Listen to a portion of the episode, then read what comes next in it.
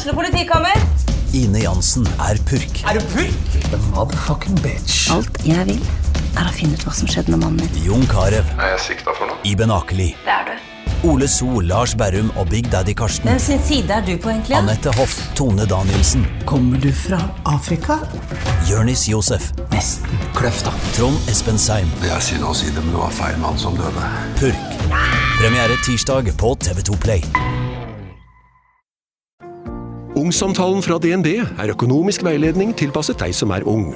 Bokk en ungsamtale på dnb.no. slash ung. Det er kjempebra hvis du skal inn på boligmarkedet, hvis det er drømmen din, liksom. Det er det du skulle sagt. Og så kunne du ropt litt mer, da, sånn som jeg gjorde. Bam! Åh.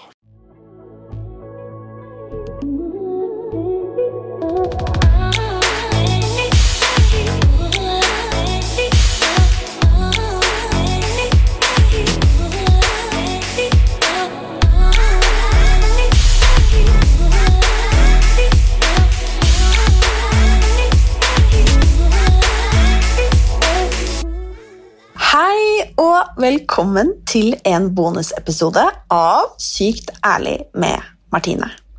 Denne episoden den ble spilt inn for en liten stund siden. Og jeg vil si at eh, denne episoden den er til alle kommende mødre. Foreldre som kanskje sitter med en nyfødt en akkurat nå. Som kanskje syns ting er litt eh, vanskelig og komplisert. Kanskje som til og med føler seg litt aleine. For oss som er nysgjerrig på hvordan det er å være mamma og føde.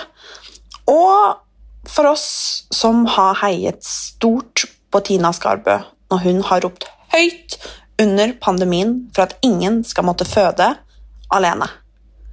Det har dessverre skjedd med altfor mange kvinner.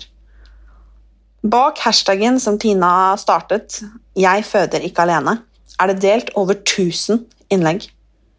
I dagens episode forteller Tina om sine fødsler, sine opplevelser hvordan det er å være både Tina og mamma, med meg på tråden.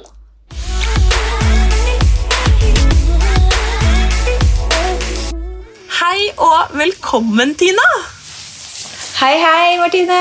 Så hyggelig. Det er, eh, det er deg og mitt første babybesøk i Ja. podkasten. Veldig hyggelig. Jo, takk for at eh, vi får lov til å komme. Det er en ære å være med. Det er veldig, veldig hyggelig. Du har jo, eh, hva skal man si, havna på liksom kartet hos mange. eh, Spesielt eh, dette året her. Eh, For du har jo vært en eh, den største stemmen, kanskje. Den som har ropt høyest på vegne av alle hva skal man si, eh, kommende mødre og alle som skal gjennom en, gjennom en fødsel. Hva, hva er det man kalte det? Fødeoppgjøret? Er det ikke det media Ja, har kalt det? Fødeopprøret er det jo noe de snakker eller sier det er, da. Ja. det er jo det. Vi gir jo et ordentlig stort opprør, så ja, det stemmer det. Men få høre. Verdens vanskeligste spørsmål. Hvem er du? Ja, det har jeg prøvd å tenke meg frem. Hvordan skal jeg svare på det? Um, jeg heter Tina. Jeg er gift og har to barn. Eh, vi gifta oss koronastyle i rådhuset i eh, fjor. Eh, og fikk da en liten koronababy i år. Eh, hva mer kan vi si? Ja, jo, jeg driver litt med sosiale medier. Og jo, har fulltidsjobb når jeg ikke er i mammaperm. Trives du å være i mammaperm? Veldig. Veldig. Det ser veldig koselig ut, i hvert fall. Ja, det er veldig koselig. Det er jo selvfølgelig Det er jo et kaos, selvfølgelig. Det er jo lite søvn og For eksempel, du triller på tur, da, og så sover han i vogna, og så kommer du hjem og er egentlig ganske sliten og vil slappe av, men da våkner jo han. Så da må jo han ha oppmerksomhet, og så blir det sånn Så det går Ja. Så det er alt Veldig mange får det til å se veldig idyllisk ut, men eh, det er både opp og ned, altså. Har du alltid hatt lyst på barn? Ja, alltid. Har det vært sånn fra du var liten av liksom, bare at barn, det skal jeg ha? Mm, alltid tenkt at jeg ønsker å få det derre A4-livet, hvor du har liksom henter barn i barnehage, skole, hvor som helst. Dere spiser middag sammen klokka fem, og så er det Ikke sant? Den derre ja, åtte til fire-livsstilen. Men føler du at du har fått den nå? Eh, ja og nei. Jeg har jo en jobb som ikke er eh, åtte til fire. Eh, og den er jeg jo veldig glad i, så det er, blir jo spennende å se. Jeg har jo klart å ha den jobben med én unge. Så får vi se hvordan det blir med to unger. Men eh, du nevnte at det ble jo en, eh, en veldig pratsom babys i bakgrunnen. Og det ble jo, ble jo en, eh, en koronababy, som man har kalt det. det. en koronababy. Ja. Og vi må jo bare prate litt om, om dette med å ikke få ha med partner på fødsel, eh, som du har eh, Eller på, altså på bare disse timene før. Altså, at, det, altså, at det bare har vært mor som har fått lov til å være med på, eh, på oppfølging og det som har vært. da. Ehm, hvorfor var det så viktig for deg å på en måte ta den kampen?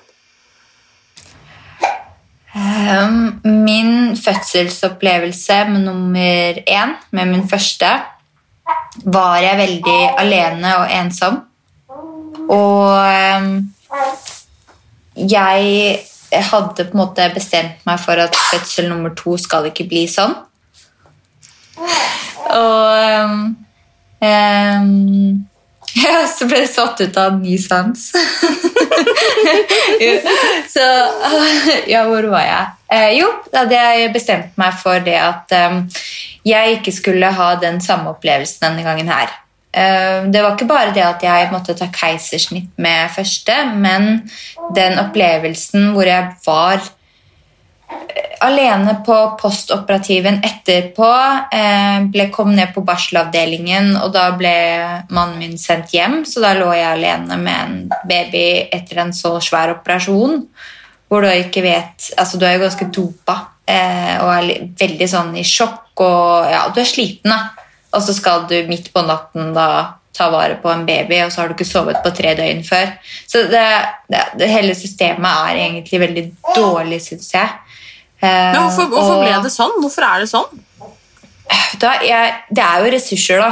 Det er jo kjempedårlige eh, ressurser til eh, føde og barsel i Norge egentlig generelt.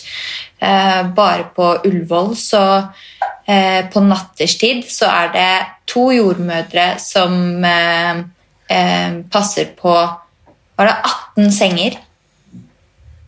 Og da er det snakk som liksom er, ligger og venter da, på at kanskje fødselen skal starte, eller at det er noe. Og da er det sånn, kan tenke deg, hvis plutselig åtte stykker da starter med rier samtidig, så er det to jordmødre som skal løpe mellom disse åtte stykkene. Ja, det er, kjem, det er veldig kjempespesielt. Og det, altså den tryggheten som da mannen din gir deg, eller partner, da, selvfølgelig, eh, den blir jo borte hvis du må ligge flere timer alene på et rom fordi at jordmor er opptatt med noen andre. Så det, det er jo det der problematikken ligger, da. At det er for lite ressurser og for få jordmødre på jobb.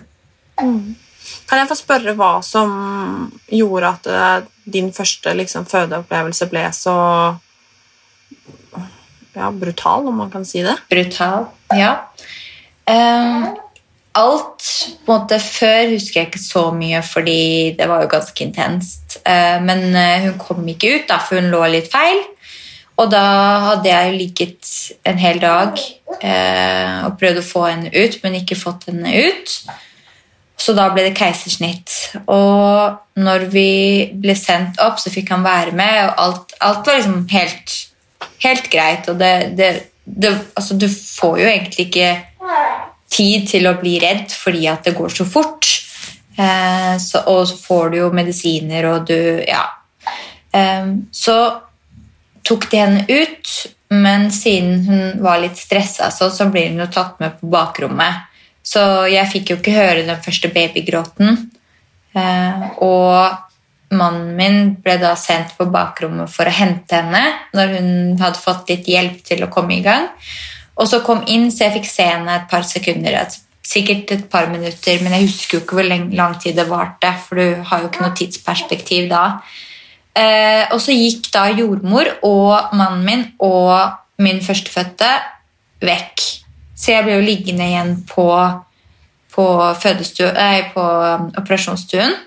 Og da sydde de meg igjen og eh, gjorde meg klar for å sende meg på postoperativen.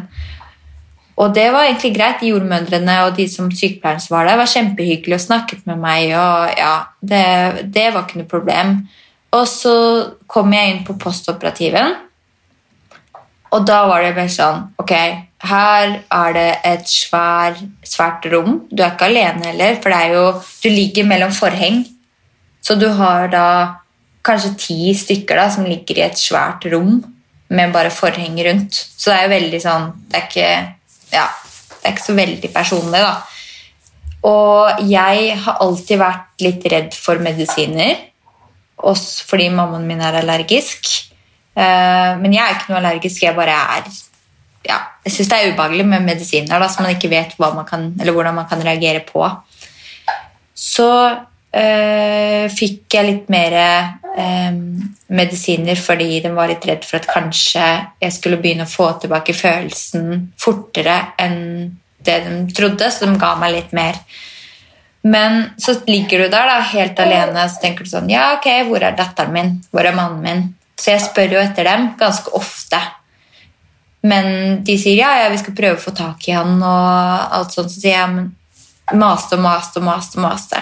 Men de sa bare slapp av, det, han, de kommer snart, og prøv å, liksom, prøv å få deg litt søvn. Det er jo lettere sagt enn gjort, da. Så du har jo veldig mye adrenalin i kroppen, samtidig så ligger du der. Ikke kjenn om du kjenner tæra dine. Ikke prøv å røre på tæra dine. ikke sant? Og det gjør du jo. Du prøver, og bare herregud, jeg kjenner ikke mine bein. For du er jo helt lamma nedentil. Så det blir, da blir du jo enda mer stressa og tenker tenk hvis ikke jeg får tilbake følelsen i beina.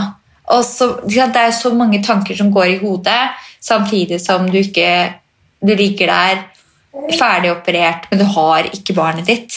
Ikke sant? Du har liksom gjort det beste i livet. Du, du, du skal få den øyeblikket etter fødselen, den får du ikke. Så jeg er jo veldig alene. Eh, Jeg tror det tok kanskje to timer før eh, mann og barn kom opp. Eh, Og når han da kom opp, så Jeg er jo så dopa, ikke sant? Sånn at jeg husker jo ikke. Jeg husker jo ikke. Han sa at vi var der cirka kanskje 45 minutter da, før de ble sendt ut igjen. Og da kan du tenke deg at jeg ble sendt opp klokka sju-halv åtte og kom ned på barsel klokka ett. Fordi at de ikke hadde nok mennesker til å komme og trille meg ned på barsel. Så jeg ble liggende da på postoperativen uten mann og barn. Så det var jo ganske Ja. Og da i tillegg jo- når du da Man har liksom et bilde av at Eller jeg har det selv òg. At ok, man føder, eh, man får babyen opp på brystet. Det er helt fantastisk, liksom. Det er, altså, det er det som er så synd, fordi det er sånn som alle førstegangsfødende tenker. Det er, de er så klare for å bare få den babyen opp på brystet sitt og ha den derre ja, to timers urørte altså, Du er i din egen verden. Da har du to timer som du på en måte Ingen skal plage dere. Dere skal liksom nyte den tiden sammen. Og det fikk ikke jeg, så jeg ble på en måte frarøvet, da, følte jeg. Jeg følte at eh, de tok fra meg den stunden um, som gjorde at Ja, som jeg gjorde at jeg fikk det, depresjon i senere tid, da. Men uh, akkurat den stunden der var liksom hadde, Det var den eneste stunden jeg ønsket så mye. Så det var så um, Det var skikkelig ille å bli frarøvet den. Og da i tillegg uh, ikke få den sammen med min, min mann også, da. Eh, Få nyte den.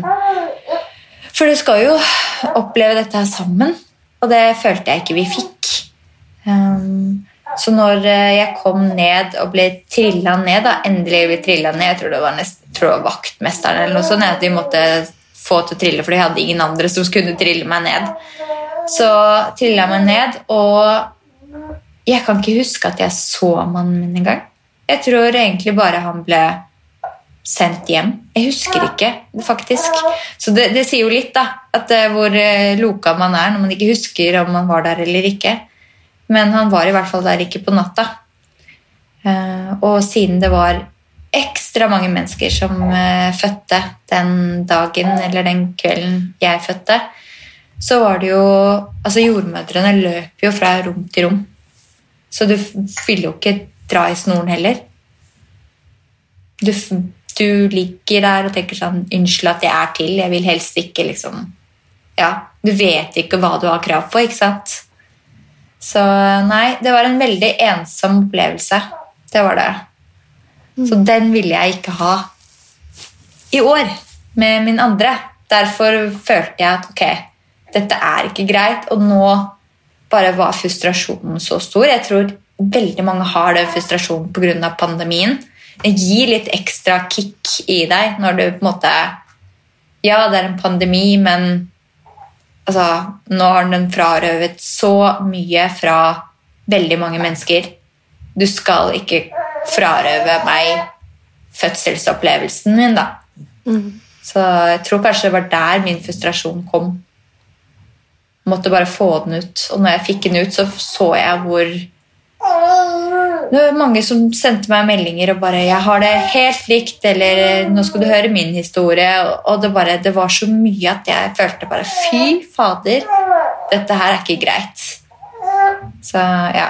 Og den usikkerheten som man har eh, når man er gravid i det hele tatt, den hjelper jo ikke når du får høre at 'nei, du får ikke ta med deg mannen inn i fødsel'. Så nei, det, det, det var litt, litt sånn Litt det som gjorde at uh, jeg føder ikke alene ble født. Nå skal det ammes litt. Ja. Tenkte kanskje det er derfor han er litt bråkete. Ja. Eller kanskje han er trøtt. Det finner Ja. du fort ut av. Nydelig, da. Men altså, jeg har jo så mange spørsmål rundt dette her, og kanskje spesielt fordi at jeg, eh, jeg aldri da har vært gjennom det, det du har vært gjennom med fødsel eller barn eller noen ting. Um, og jeg tror jo at veldig mange som ønsker seg barn, eller som kanskje skal snart få barn, eller et eller annet, har så mange spørsmål knytta til til dette her med fødsel og, og hvordan det er. Og litt sånn som jeg sa til deg i stad, jeg har et litt sånn glorifisert bilde av av fødsel. Eh, Fordi at jeg er fullstendig klar over at det sikkert er liksom smertefullt, og det er liksom heftige greier, og altså alt dette her, men så har man jo den derre Ja, litt den filmfødselen i minnet, da. Eh, men sånn er det ikke. Nei, altså Jeg føler at en fødsel er både ja og nei. Altså Du vet jo aldri hva som skjer. Du kan aldri planlegge en fødsel, for det er så Ja, du vet aldri hva som kan skje. Um, og um, uh, Stort sett så sier de jo at du får en vaginal fødsel. Og, og du skal få det øyeblikket jeg, jeg skal bare legge han i senga si. Skal vi- Gjør det. Han var ikke pupp. Han er litt sånn trøtt. Null stress. Det tar to sekunder, for nå er han skikkelig trøtt. Sånn er det med baby. Sånn. Null stress. Nå håper jeg han sovner. Ja. Null stress. Eh, hvor var vi? Jo, med fødsler. Eh, det var noe jeg skulle spørre om. glorifiserte drap, baby, vaginal fødsel. Ja. Nå fortsetter vi der vi slapp, med, yeah. med fødsel, eller denne fantasifødselen som man gjerne har, og du med, med vaginal fødsel. var der vi slapp. Ja, stemmer. Herregud. Um, nei, det var noe jeg skulle spørre om. Jo, du hadde egentlig ikke planlagt keisersnitt, men sånn ble det. Sånn ble det. Mm. Ble det det på nummer to også? Nei, på nummer to så hadde jeg eh, Ja, jeg kan si jeg hadde prøvd å gjøre alt jeg kunne for å få til en vaginal fødsel. Så det klarte jeg. Eh, og veldig glad for det. Samtidig, siden jeg klarte det, så gjør det at jeg er veldig stolt av min første fødsel også. Så jeg har på en måte fjernet den eh, traume og følelsen jeg hadde av første fødsel, med å måte, ta tilbake min fødselsopplevelse med nummer to. Så det Hvordan klarte du, hvordan klarte du det? Ja, det er veldig mye mentalt å forberede seg. Eh, Jeg tok et fødselsforberedende kurs. Det er noe jeg kan anbefale alle. Og jeg syns det er helt latterlig at ikke dette er noe som kommunen eller staten eh, eh, gir deg gratis. Da. Men eh, det er virkelig noe jeg kan anbefale, fordi du lærer avspenningsteknikker, du lærer å puste.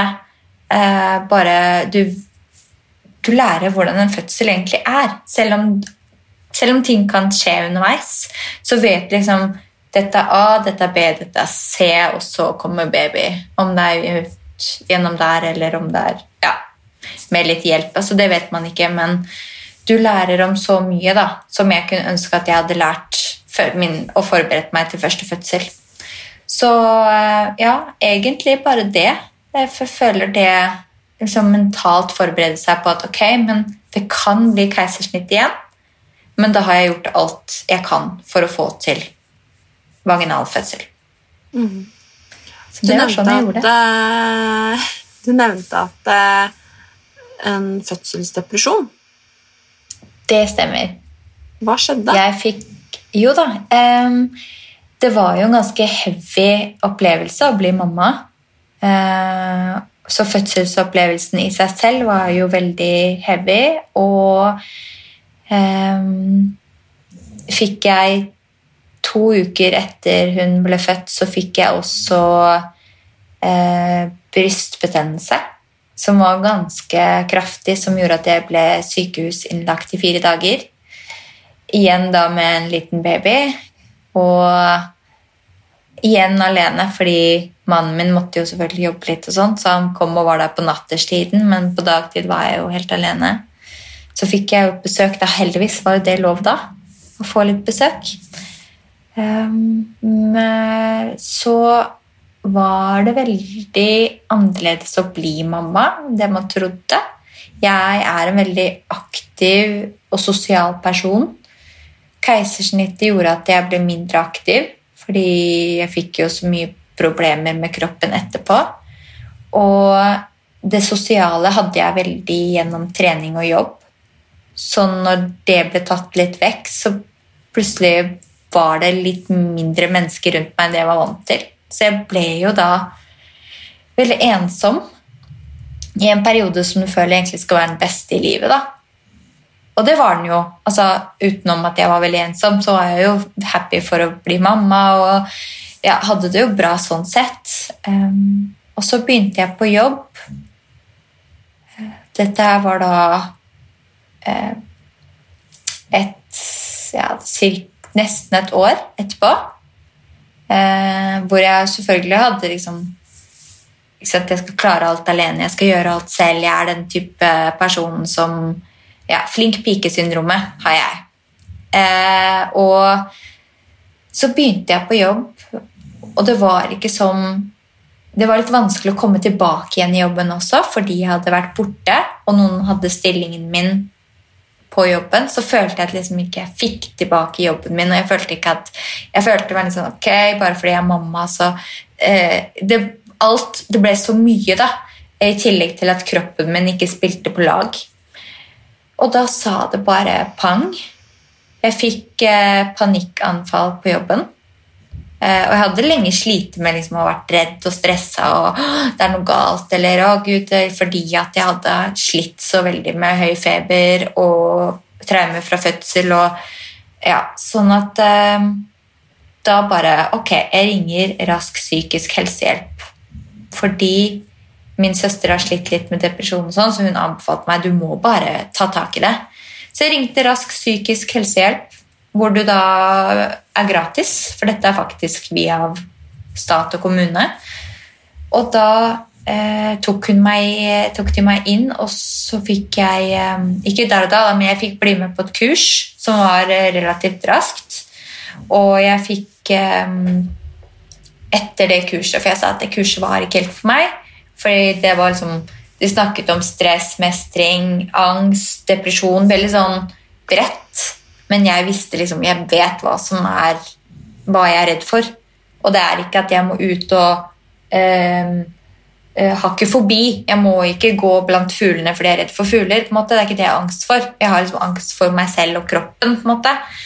Så da fikk jeg en én-til-én-samtale, og hun bare 'Vi fortsetter'.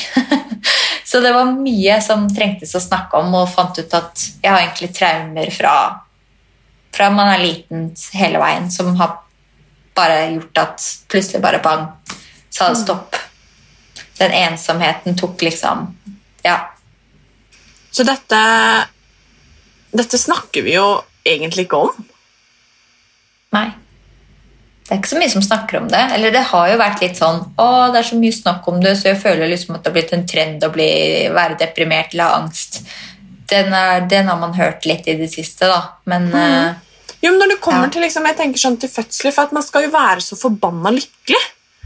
mm, man skal det. Følte du noen gang på at liksom du var mislykka fordi at ikke du klarte liksom å ha den der lykkerusen og sus og dus og bare fine kjoler og eh, hurra meg rundt, liksom? Veldig. Eh, og bare det at jeg ikke klarte å trene igjen også. Jeg ble jo, fikk jo bekkenløsning i graviditeten, og den gjorde at jeg ikke klarte å trene veldig aktivt. Eh, og når jeg da måtte ta keisersnitt, så fikk jeg heller ikke lov til å trene så fort som jeg trodde. Jeg trodde jeg skulle være sånn fit mom, hvis du skjønner hva jeg mener. At, eh, man tror liksom når ser det glansbildet og bare, å ja, når du er født, så bare popper man rett tilbake til den kroppen man hadde før man fødte, ikke sant? Eh, det skjedde jo ikke, så det ble jo litt sånn Ja, hva skjer? Jeg føler meg svak. Jeg, ja, det, det var ikke bare bare, altså. Nei. Hm. Nei, jeg syns at eh, Jeg syns nesten det kan være litt sånn godt å høre. Om det er lov til å Ja. si det. Men det er mer vanlig med det her enn det er å ha liksom Å, jeg er så lykkelig, lever på rus, og ingen, ingen problemer. Og selvfølgelig så er det jo noen som har det også, og de føler at de får dårlig samvittighet fordi at andre har problemer med amming, man har problemer med det, og man sover ikke, og kolikk, ikke sant. Så øh, noen blir jo litt sånn Ok, jeg jeg kan ikke si at jeg har aldri hatt noen problemer, eller Selvfølgelig kan man det. Det er jo absolutt lov til å nyte at du har det bra. Det er det ingen som ønsker at man ikke skal ha det. Men, øh, men ja, når man hører det, så har man litt lyst til å gi, gi fingeren og bare eh, Ok, fint at du sov i natt, liksom. Jeg har ikke sovet en dritt på tre uker. men øh, det er øh, det er en stor omveltning altså, å bli mor. Det er det. Det er det beste og det vanskeligste jeg har gjort i livet.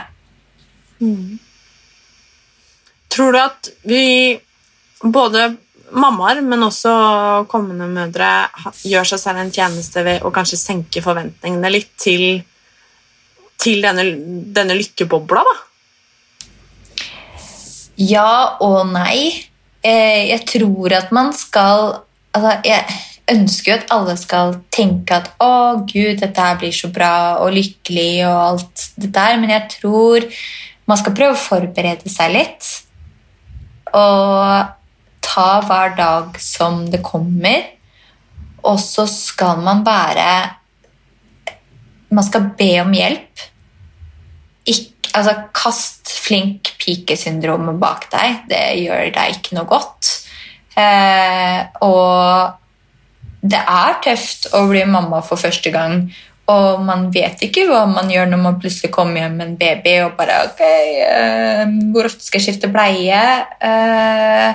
Oi, jeg tør ikke å amme sånn fordi han får ikke puste gjennom nesa. Altså, det er så mye spørsmål da, som man kommer hjem med, som man bare finner ut etter hvert.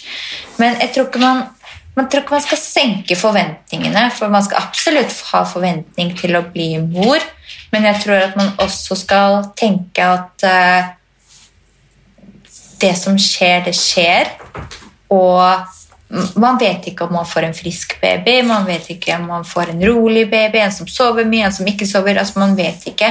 Så ikke, du kan dessverre ikke forberede deg. Så ta en dag som det går, altså sånn hver dag som kommer, og spør om hjelp. Om det så bare er for å bæsje. Altså, ja. Jeg har tenkt mye på det der, for jeg kan jo høre folk si sånn Å nei, jeg har fått en så snill baby. Mm. Og så kan jeg tenke sånn uh, en snill, en snill baby. Babyer er jo ikke slemme. Det er sånn, Nei. Babyen er jo ikke slem fordi at den får kolikk, liksom. Mm. Skjønner Nei, du hva jeg mener? Det har jeg tenkt på flere ganger. Den der, å nei, babyen min er så snill. Eller jeg bare sånn Oi, så snill babyen din er, liksom. Jeg bare sånn Ja. En baby Ja. er vel ikke snill eller slem? Det er kjempedumt å si, egentlig, å få den derre eh, Ja, babyen min er så snill. Det er sånn, ok uh, Er babyen min da slem, da, eller? Altså, Ja, men det er det jeg mener. Ja, ja. Så det, dessverre så fikk jeg Min første datter, hun var rolig. Hun var så rolig, og hun sov uansett hvor jeg putta henne ned. Og ja, jeg måtte jo selvfølgelig være våken om natta, amma og sånt vanlig, men hun var så rolig. Som da du vil si, hun var en snill baby. Ikke sant? Og nå har jeg da fått en sønn som har hatt tungt, eller stramt tungebånd, eh, som har mye problemer med magen. Jeg lever på melkefri, soyafri og eggefri diett pga. magen hans. Altså, det er så mye, da. Så han er jo da på en måte en slem baby igjen, da. Men det er jo ikke det. Det er jo, det er jo, det er jo ikke hans sin feil. Så det er jo litt feil å bruke snill og snill baby. Jeg vil heller si at eh, jeg har fått en rolig baby. Men- Bytt ut snill med rolig. Ja, ja, men det er jo akkurat det, for jeg har i hvert fall tenkt på det. liksom sånn, Ja, ja, barn, altså Ja, ja. altså, ja, nei, jeg vet ikke. Men det er eh, Ja. Hmm. Men det er sikkert mange som lurer på eh, du, Eller du har liksom blitt litt sånn fødeguruen eh, for mange, tror jeg. Den sterke stemmen som liksom har kjempa, da. eh, for at ingen skal trenge å være alene. Um, og én ting er jo det å kunne ha med seg partneren sin, men det er jo andre som også føder, altså er helt alene og kanskje hadde hatt behov for å ha med seg noen andre òg, liksom. Um, og jeg lurer på hva Hvordan forberedte du deg sånn med eksempel altså, Hva var viktig for deg da når du skulle føde gang nummer to? Viktig for meg var jo å ha med meg mannen min fra start til stopp. Det å kunne ha velge selv når han skulle dra hjem fra barsel. Eller kunne dra hjem sammen, sove sammen der. Og eh, det, viktig, det, det var det viktigste for meg, faktisk. Var trygghet. Jeg ønsket å føle meg trygg hele veien, og han var min trygghet. Jeg hadde jo egentlig tenkt å ha med meg mamma også, for hun er jo min største trygghet. Det er jo hun jeg ringer hvis jeg er lei meg, eller ikke sant? Du vet den der hvor du er lei deg, så ringer mamma og så er sånn Åh, jeg er lei meg, ikke sant? Det er bare Jeg kjenner meg igjen. Ja. Så, nei, så jeg fikk jo den der Ok, greit. Jeg kan gi, gi opp det at jeg ikke skal ha med meg mamma. Det skjønner jeg. Det, jeg kan ikke kreve det. Men jeg skal i hvert fall kreve at pappaen til mitt barn skal få lov til å være med. Så det var det viktigste for meg. Var det. For det er jo ekstremt mange kvinner som har måttet føde alene pga. pandemien. Det er dessverre skikkelig mange. Det er helt utrolig. Eh, Det er veldig urovekkende når jeg leser alle de meldingene jeg får. Jeg blir helt Ja. For du vet jo ikke hvor lang tid en fødsel kan ta. Så når du kommer inn da for sjekken, og du, som veldig mange har sagt, da, de kommer inn eh, De er ikke aktive, sånn at de sender f.eks. mannen hjem, da, og så er det kanskje én eller to timer kjørevei til sykehuset. Og så setter fødselen i gang, og så, tar, og er det styrtfødsel, da, som eh, det, da er det liksom mellom én til tre timer fra du er i aktiv fase til babyen er ute. Det er en styrt fødsel. Og så har ikke mannen rukket å være der, eller mannen rekker, eller partner rekker å komme inn akkurat idet babyen kommer. eller du? Så den opplevelsen og den, Det er jo en fødsel alene. Fødsel er ikke å få ut babyen av vaginaen. Fødsel er fra riene starter, eller fra du begynner å få vondt, til du har født. Og når du har født, så er det ganske lang tid før du føler at du er deg selv igjen etter en fødsel, for du er så sliten, du har så vondt. For det første så må du tisse etter den der fødselen. Du må bæsje. Altså, det er så mye som man må etter en fødsel da, som det er veldig godt å ha mannen sin der. Da. Eller partner. Ja, og jeg tenker sånn, Det er jo ikke bare for den som skal, skal føde heller. Det er jo litt for partneren også. Veldig. Det kan ikke være så Altså- kult å være den som sitter på parkeringsplassen. liksom. Nei, tenk deg å skulle bli ja, da pappa eller mor, medmor altså, Tenk deg da å ikke få oppleve å se barnet ditt. Eller bare oppleve den derre Når du hører hjertet slå for første gang på ultralyd. Det, jeg syns det, det er ganske sinnssykt. For jeg har jo spurt min mann nå i ettertid hva han har syntes om situasjonen. da, fordi er- jeg er jo veldig out there, og han er veldig in, Jeg sier ikke så mye. Så jeg har prøvd å spørre han om det, da. Og hvorfor ikke mennene eh, hever sin stemme. Eller partner hever sin stemme. Og eh, så som han sier, da Hadde det ikke vært for at han fikk oppleve det han fikk oppleve med første fødsel, så hadde det kanskje vært ganske mye sårere denne omgangen her å skulle gå gjennom alt og ikke få vært med på noen ting. For han var med på alt på første fødselen. For jeg var sånn Du skal være med på alt. Alle jordmortimer. Alt av det, alt av det. Ikke sant? Så, um, så Men um, det er kjipt, altså. Det er kjempekjipt å få meldinger fra menn. Jeg fikk senest en i går som sa, sendte melding og så måtte bare få ut litt frustrasjon. Og så satt han på parkeringsplassen. da. Tatt opp bilde av ja, nå sitter jeg her og skal bli pappa for første gang og får ikke lov til å oppleve eh, barnet mitt på ultralyden. Så det er ganske kjipt for disse mennene, altså, av partnerne. Jeg vet ikke hva jeg skal si engang. Ja. Jeg bare prøver liksom å tenke sånn Hvis det hadde vært meg, liksom. Det er det. Det er, liksom, det er så vanskelig å forestille seg før man først er der.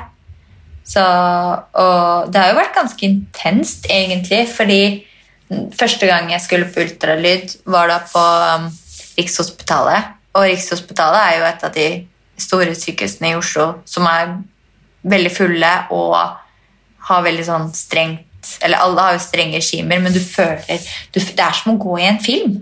For du kommer, Det er disse teltene som er rundt, og så er det restriksjoner, og så spør de deg om alle sånne, disse spørsmålene. Og så er det sånn, jeg skal bare inn og pultre for å se barnet mitt. Det er, det er en opplevelse som eh, blir ikke den samme opplevelsen på grunn av For det første så går du inn alene. For det andre så er det skummelt, fordi at der er det et sykehus. Det er mye korona der. Det er, det er en grunn til at de er så strenge. Du må stå i kø. og ikke sant? Det er, jeg vet ikke, Hele opplevelsen må jeg si var veldig annerledes denne gangen her enn første gang. Så, men sånn er det jo for de fleste nå også. Det er jo korona, det får man ikke gjort noe med, men uh, syns det er litt rart. Altså, du er i samme kohort, du bor sammen, dere sover sammen, dere kysser på munnen hver eneste dag, men dere får ikke lov til å gå inn på time sammen. Det, er- ja, det er veldig rart. Jeg er helt enig. Men jeg lurer, eh, Tina. Du sa, jo, eh, du sa jo at du alltid har hatt lyst til å bli mamma. mamma. mm. Hvor gammel var du når du fikk første? Jeg var 30, 30. Ja. så jeg var litt sent ute. Eller Hva er det som liksom er normalt sent. nå? Jeg føler liksom at det, det ikke er så unormalt. Det. Nei, det er ikke det gjennomsnittet. Den sier de nå er 34. Ja. Men for meg så var det sent. Ja. Du, ja, for det var det jeg lurte på. Har du liksom alltid, siden du liksom har drømt om dette A4-livet, og alt dette her, har du liksom tenkt at ok, jeg skal bli en sånn ung mamma, for eksempel, da, og sprek, alt dette her som du snakket om, liksom? Jeg tenkte jeg skulle være mamma før jeg ble 25. Mm. Mamma ble jo mamma før hun var jeg tror hun var 21. Ja, Så hun var veldig ung mamma. Mm. Eh, og jeg var sånn Ja, jeg skal bli ung mamma. Jeg skal være hun kule, liksom, som gjør mye med barna sine. Eh, men det, ble jo ikke sånn. Jeg, jeg var gravid når jeg var 24, men situasjonen rundt det gjorde at jeg tok, valgte å ta en abort. Um, og jeg sleit veldig mye med den aborten eh, i ettertid.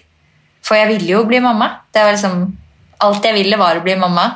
Men ja, det gjorde bare jeg, jeg kunne ikke i den situasjonen. Og da Ja. Så det så Når jeg først da ble gravid og kunne bli mamma, så var jeg da 30. Med riktig partner. For det er jo kanskje litt relevant, da. Det er litt relevant. Du burde ha en person du ser for deg i livet med, eller i hvert fall som passer til å være part, eller, ja, pappa til mine barn. Da. Hm. Har du noen råd til, eh, til de som skal føde framover eller i fremtiden? Ja, det er tre ting som jeg har virkelig kan anbefale. Det er prøv ikke å bekymre deg, fordi at man vet ikke utfallet. Man vet egentlig ikke hva som vil skje. Så det er sånn Gå og bekymre deg så mye for, for noe som kanskje ikke skjer engang. Det er så ødeleggende. Og så um, ta Forbered deg. Forberedelse er alfa og omega. Eh, Finn ut hva som funker for deg. Altså, skriv et fødebrev og et barselbrev. I det fødebrevet og det barselbrevet så har du alt du ønsker. Ikke sant? Det, trenger, det er ikke krav, men det er sånn Jeg ønsker helst ikke å ta epidural, men hvis jeg spør etter det, og jeg, jeg må ha det, eller hvis dere anbefaler det, så er det greit. Da, da liksom, jeg sier ikke nei, men jeg vil helst ikke. Ikke sant? Det var noe jeg skrev og fant ut når jeg kom til et visst punkt at jeg bare Hell no! Jeg skal ha epidural, ikke sant? Så det er liksom Men bare forberedelse og eh, lær, deg, eh, lær deg kroppen din. Avspenning, pusting. Ja. Vit hva som Hvordan du reagerer når du blir redd. For det er noe som en jordmor kan Sånn som jeg sa til min jordmor i mitt fødebrød, sa jeg jeg har hatt helseangst. Jeg er redd for å ikke vite hva som skjer med kroppen min. Jeg trenger kanskje 'Dette går bra, Tine. Dette er ikke noe farlig.' Stryk meg på skulderen eller gi meg en klem. Så er jeg trygg. Det er sånn jeg reagerer på å være redd og smerte. Mens andre er sånn 'Ikke snakk til meg.' ikke sant? Ikke fortell meg hva som er grunnen. Ikke, jeg vil ikke vite, jeg vil bare liksom fokusere. Så det er, liksom, det er så veldig forskjellig fra person til person. Sånn at bare forbered deg, skriv det ned, så får du en jordmor og du, som vet hva du trenger, og hva du ikke trenger. Da, måte. Så det er alfa og omega. Det er de tre jeg har. Men det syns jeg var veldig gode, gode tips. Og jeg lurer også på For du har jo kjent på dette her å føle at du ikke strekker til, liksom, eh, som Mm. mamma. Og dette her med fødselsdepresjon. Mm. Um, om det sitter en mamma der ute nå som lytter og føler seg som ja, kanskje er deprimert, eh, eller som føler at vet du, jeg strekker ikke til som mamma, liksom. Har du noe du Mm. vil si til henne? Åh, At det er så vanlig. Alle følelser er så vanlig. Å ha dårlig samvittighet fordi du kanskje sitter litt på mye på mobilen en dag, eller eh, ikke orker å leke så mye som du trodde du ville leke, eller ja ehm, eh, Det blir bedre. Og det er kjipt å høre f.eks. datteren min si å, mamma er sliten, mamma ligger på sofaen eller mamma ligger på senga. ikke sant? Det er sånn, Ja, da har du kanskje gjort det litt for mye, da. Eh, men barna dine elsker deg uansett hva. Så er det noe du føler du ikke er tilstrekkelig, finn noen å snakke med. Ikke sant? Få ut følelsene dine. Fordi det er det eneste som kan hjelpe deg, ikke, er å snakke med noen. For det å holde det inne gjør det bare til at du vokser som en ja, som du sa i stad. Vokser som en ond sirkel, eller ja, det er, det er som poison da, i kroppen. Det vil man ikke ha. Det vil man ikke ha. Nei. Jeg, jeg satt egentlig og følte meg sånn Selv om det du sier sånn altså, misforstå meg rett, Det kan høres skummelt ut med liksom en, sånn, en så heftig første fødsel, og at man kan bli deprimert altså, Disse tingene her, Men det er jo ting man egentlig vet. Så jeg sitter egentlig bare sånn selv og bare sånn ah, Det er egentlig bare litt godt å liksom høre det, da. Um, fra en liksom helt vanlig rå mamma, liksom. Ja, altså det er, det er jo så mye mer vanlig enn man tror. Og jeg tror også mye av eh, Jeg føder ikke alene. eh, kom jo også litt grann fordi at jeg så at fødselsdepresjonsstatistikken hadde steget så mye. Eh, opp til 75% Og det er helt sinnssykt mye. Eh, og og jeg tenker liksom Ja, det er kjipt å få fødselsdepresjon, eller depresjon generelt. Det er jo det er, shit, det er som å gå med skylapper. Det er ikke noe gøy. Men hvis man kan gjøre noe som kan forhindre dette her, så burde jo det gjøres. Og det var jo noe som verken Helsedirektoratet, sykehusene eller noen var villig til å gjøre noe med. Sånn at eh, Det verste er at veldig mange fødselsdepresjoner starter jo i, når du er i, svangerskapet, når du er gravid. Sånn at Man tenker fødselsdepresjon, så får man etter fødsel, men det starter mye før. Og nå har det jo starta mye før fordi at man er så bekymra og redd. og man nyter ikke graviditeten sin på samme måte. Man får ikke gå ut og liksom vise frem magen sin, eller man får liksom ikke delt med familie. Og? Så den, det er så synd at at ikke Norge Eller at man gjør noe mer for å senke den, da. Mm. Så dessverre, det er altfor mye av det. Mm. Det er mye mer vanlig enn man tror. Og det er i hvert fall fint tenker jeg, å vite at eh, man ikke er aleine, selv om det helt sikkert føles sånn. Én av ti får fødselsdepresjon. Mm. Så det er ganske mange. Når det fødes ganske mange. 5000 eh, Hva er det? 50 000, 55 eller 55 000 eh, barn hvert år. Kan du tenke deg at 10% av det, da Mm. Det er mye, det. Det er mange mammaer, det. Mm. Mm. Jeg er i hvert fall veldig glad for at du eh, ville prate med meg, eh, Tina, og lære meg litt, og dele med meg, og dele med alle som, eh, som har lytta. Ja, det har vært veldig hyggelig å prate med deg. Veldig, veldig hyggelig, og jeg håper at, håper at du får en fin dag videre, og at alle som lytter får en fin dag videre. Og så vil jeg bare si tusen, tusen takk for at du ville dele dine tanker og dine erfaringer med oss. Tusen takk for at jeg fikk komme.